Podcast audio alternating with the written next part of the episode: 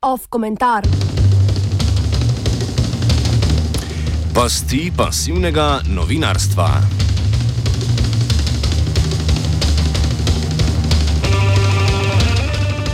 Ob koncu prejšnjega tedna je odjeknila vest o stavki rudarjev v Boliviji.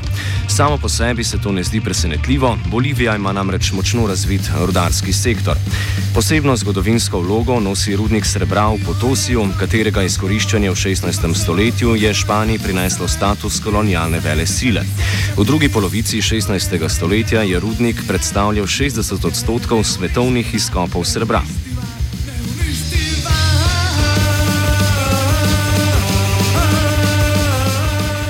Iz medijev smo izvedeli, da so oboroženi protestirajoči rudarji blokirali glavne cestne povezave v državi. Po navedbah britanskega medijskega giganta The Guardian je Združenje rudarskih kooperativ, krajše FENCOMIN, zahtevalo več rudarskih koncesij, pravico do dela za zasebna podjetja in več pravic sindikalnega organiziranja. Novica se je lepo umestila v sklop oddaje aktualno-politične redakcije Radio Student o desnem obratu v Latinski Ameriki, v katerem smo govorili tudi o neoliberalnih težnjah socialističnih vlad, tudi bolivijske. Sloboda,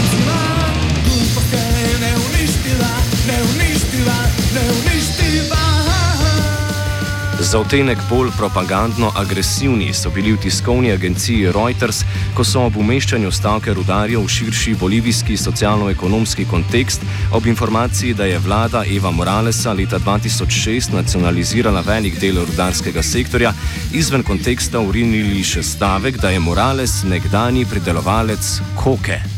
Nazaj k temi.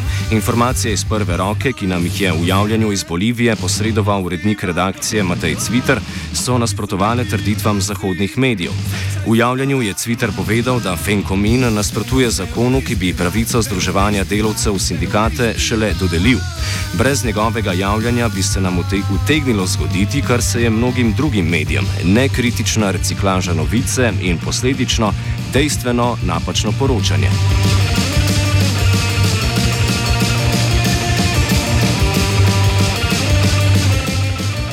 Tem manjšim medijskim spinom se obrne tudi percepcija zgodbe. Tako dobimo vtis, da se rodari borijo za delovske pravice, ki jih tepta s kapitalom povezana država. Situacija pa je nasprotna. Stavkajoči rudari se bojijo izgube že tako prekarnih zaposlitev in so od, od države zahtevali, da umakne predlog zakona, ki bi uvedel dodatne okoljske regulacije in otežil delo za privatna rudarska podjetja. S tem bi privatnim podjetjem zagotovili več posla in na kratki rok najverjetneje povečali število delovnih mest. Prav privatna podjetja pa bi ob izpolnitvi zahtev rudarjev tudi največ profitirala.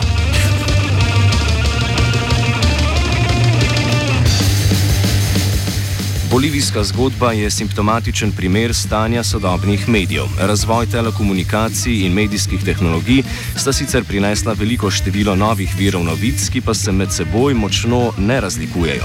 Medijski svet v veliki meri krojijo veliki medijski imperiji, ki z nadzorom nad velikim številom virov ali pa zgolj iz malomarnosti lahko resnico prikrojijo v prid določenim interesom.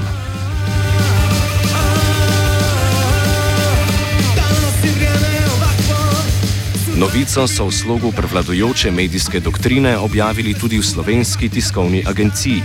Njihov odziv ob opozorilu prek telefona na netočnost je bil precej čuden. Zunanja urednica je povedala, da vedo, da stavkajoče rudarske kooperative nasprotujejo združevanju sindikate ter da bodo objavili popravljeno novico.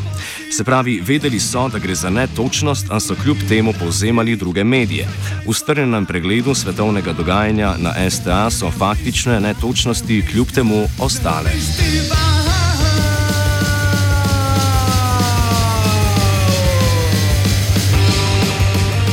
Naslednji eklatanten primer črednega obnašanja medijev je še aktualnejši. Gre za spor kor korporativnega izogibanja davkov strani ameriških multinacionalk, ki ga preizkuje Evropska komisija. Kot smo in bomo obsežneje poročali danes, je Evropska komisija ugotovila, da gre pri skoraj nični obdavčitvi Apple na Irskem za nek nezakonito državno pomoč zasebnemu podjetju. Ne glede na to, kako uneto je komisarka za varstvo konkurence Margaret Vestager ponavljala, da gre za poplačilo davkov, so novinari še naprej postavljali sugestivna vprašanja, ki so zahtevo po plačilu davkov v višini 13 milijard evrov predstavljala kot kazen za korporacijo, katere elektronske naprave so modni krik že več let.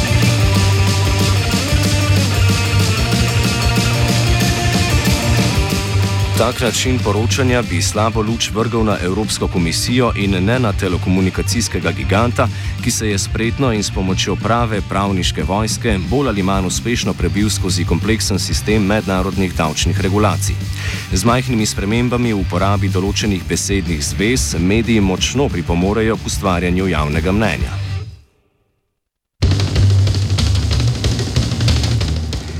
Takšni manjši popravki lahko odigrajo odločilno vlogo ob zaostrovanju političnih razmer.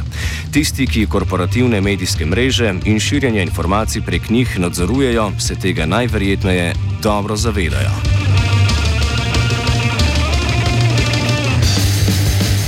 Komentiral je noveli.